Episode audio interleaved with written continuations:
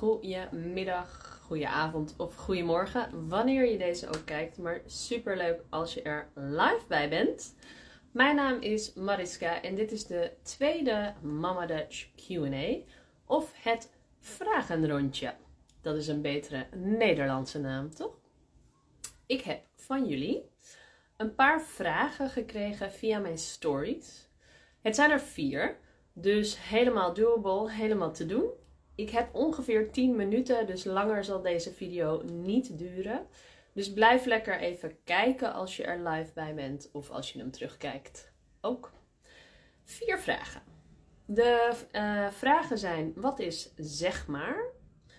Um, doe je internationale cursussen? Wat is het verschil tussen erg en echt? En waarom zeggen sommige mensen hun waar je ze moet zeggen? En dat is een hele leuke. Dus deze vier vragen ga ik beantwoorden. Eerste vraag is: wat is zeg maar? Zeg maar. Zeg maar gebruiken we een beetje als een stopwoordje. Of veel mensen gebruiken het als een stopwoordje. En een stopwoordje is, zoals je misschien van het Engels weet, like. Like. Zo'n woordje wat eigenlijk niet echt iets betekent, maar wat mensen regelmatig, regularly, regularly zeggen. Dus, it's like, it's like, it's like seven, it's like, it's like. Dat hoor ik veel uh, Engelse, Engelstalige mensen doen. En de Nederlands, Nederlanders gebruiken vaak zeg maar. Dus ja, dat is zeg maar drie uur rijden. Of het was zeg maar een leuk feestje. Ja, zeg maar 50 mensen waren er ongeveer. Ja, zeg maar, ja, het was wel gezellig. Dus um, zo gebruiken we zeg maar. Um, in de spreektaal hoor je dit vaak als zeg maar. Dus heel kort, zeg maar. Ja, het was zeg maar drie uur rijden. Of ja, het was zeg maar echt gezellig. Was very fun, zeg maar. Dus zo kort kan hij gebruikt worden. Ja? Dus ga eens luisteren. Ga eens, zeg maar, horen of je deze ergens hoort. Ja? Ik ben benieuwd. Dan, vraag 2. Heb je ook cursussen vanuit Iran? Dat was de vraag. Um, nee, ik, um, ik spreek geen Farsi. Ik, ik ben niet in Iran. Maar um, bijna al mijn cursussen zijn online. Dus de Dutch Boost is een online groepscursus van acht weken. Dutch Confidence is het halfjaarprogramma. Die is online, maar ook uh, offline. Dus ook live in Amsterdam. In of rond Amsterdam.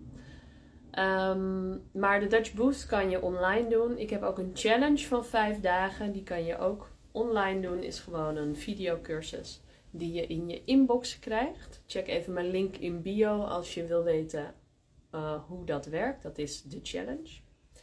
Uh, dus dat. Ja, ik werk gewoon online. Dus als je mee wil doen, kan je meedoen. Ook vanuit Iran of waar je dan ook bent. Alright. Vraag 3 was: wat is het verschil tussen erg en echt? En erg en echt. Um, nou, laten we beginnen met erg. Erg op zichzelf, on its own, is bad. Oeh, wat erg. How bad. Of wow, dat is erg. Punt, period. Dat is, that's very bad. Dat is erg. Of wat erg voor je. How bad for you. Or een beetje als I'm sorry for you. Dat zeggen we niet. We zeggen niet het spijt me voor je of ik ben sorry voor je. Maar we zeggen dan wat erg voor je. How bad for you. Echt is real. Dus is het echt of nep? Is het real or fake? We weten het niet. Het is echt. Punt is it's real. Echt met een vraagteken, uh, question mark, is echt Really? Ja. echt? Wow, ja echt. Can also be a response. Kan ook een antwoord zijn. Echt? Ja, echt. Ja, really? Ja, really. Oké. Je kan deze twee woorden ook gebruiken met een adjectief. Dus leuk, gezellig, moeilijk.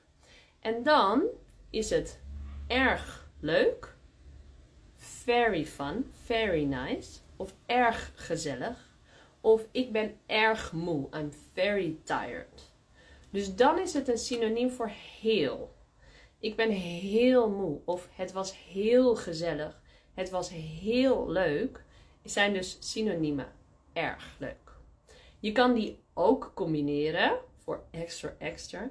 Het was heel erg leuk. Of het was heel erg gezellig. Of ik ben heel erg moe. I'm very, very tired. Ja, dus dat is een dubbele.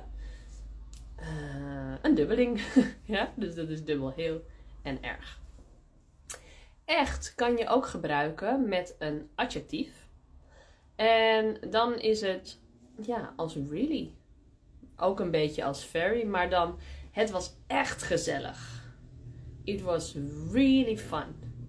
Het was echt moeilijk. It was really difficult. Ja, dus zo kan je die gebruiken. Echt plus adjectief. Je kan ze ook nog eens combineren. Echt. Het was echt erg moeilijk. Het was echt erg moeilijk. Of het was echt heel erg moeilijk. Ja, alle drie.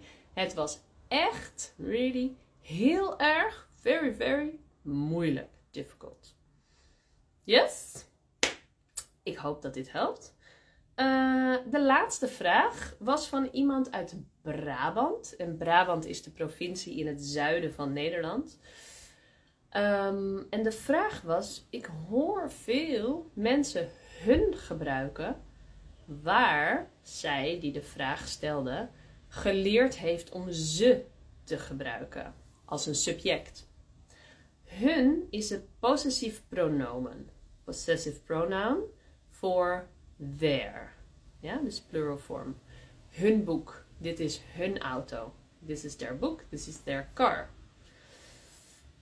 Mm, ze is het uh, subject. Ze hebben een boek. Ze hebben een auto. Dat is hun auto. Ja? Dus hun is possessief pronomen. Maar wat er gebeurt in de wereld van taal is dat er dingen veranderen. En er zijn veel mensen al die hun als subject gebruiken. Dus hun hebben een auto. En dat is niet alleen in Brabant, dus dat, heeft, dat is niet dialect of accent. Dat is echt iets uh, nationaals. En de taalpuristen, de language purists, de taalpuristen, die willen dat absoluut niet. Andere mensen zeggen het is taal, het ontwikkelt zich, it, in, it develops, it's fluid, it's uh, flowing, fluent taal. Dus hun hebben of hun willen of hun krijgen een cadeau. Dat wordt misschien officieel Nederlands. Maybe one day it will become official. Maar voor nu, voor jullie, uh, officieel zeggen we ze. Maar als je lekker wil integreren en je hoort de mensen om je heen zeggen hun hebben, hun willen, ja, dan mag jij het ook, toch? Maar officieel op examens, als je inburgeringsexamen moet doen of iets anders, is dat nee, nee. Is nog niet officieel, not yet. Oké? Dus dan gebruik je ze hebben. Alright. Dit waren de vragen. Super leuk om jullie weer even te helpen. Um, over twee weken ben ik, uh, volgende week ben ik met vakantie. Dus over twee weken doen we weer een nieuw vragenrondje. Heb je nu al een vraag? Zet die dan onder deze video als je hem terugkijkt, if you're watching it back. Zet je vraag onder de video en dan beantwoord ik die volgende week. Als je denkt, ik wil meer, ik wil dit live, let dan op, want op zaterdag 9 september organiseer ik met een collega van mij, Rebecca van Nabu Academy, een live borrel. Dus als je na de zomer denkt, jee, ik wil mijn Nederlands goed opstarten, weer opstarten voor het nieuwe seizoen. En je wil dat met mij doen, plus nog een andere superleuke docent. Kom dan naar de live dag in Amsterdam op zaterdag 9 september.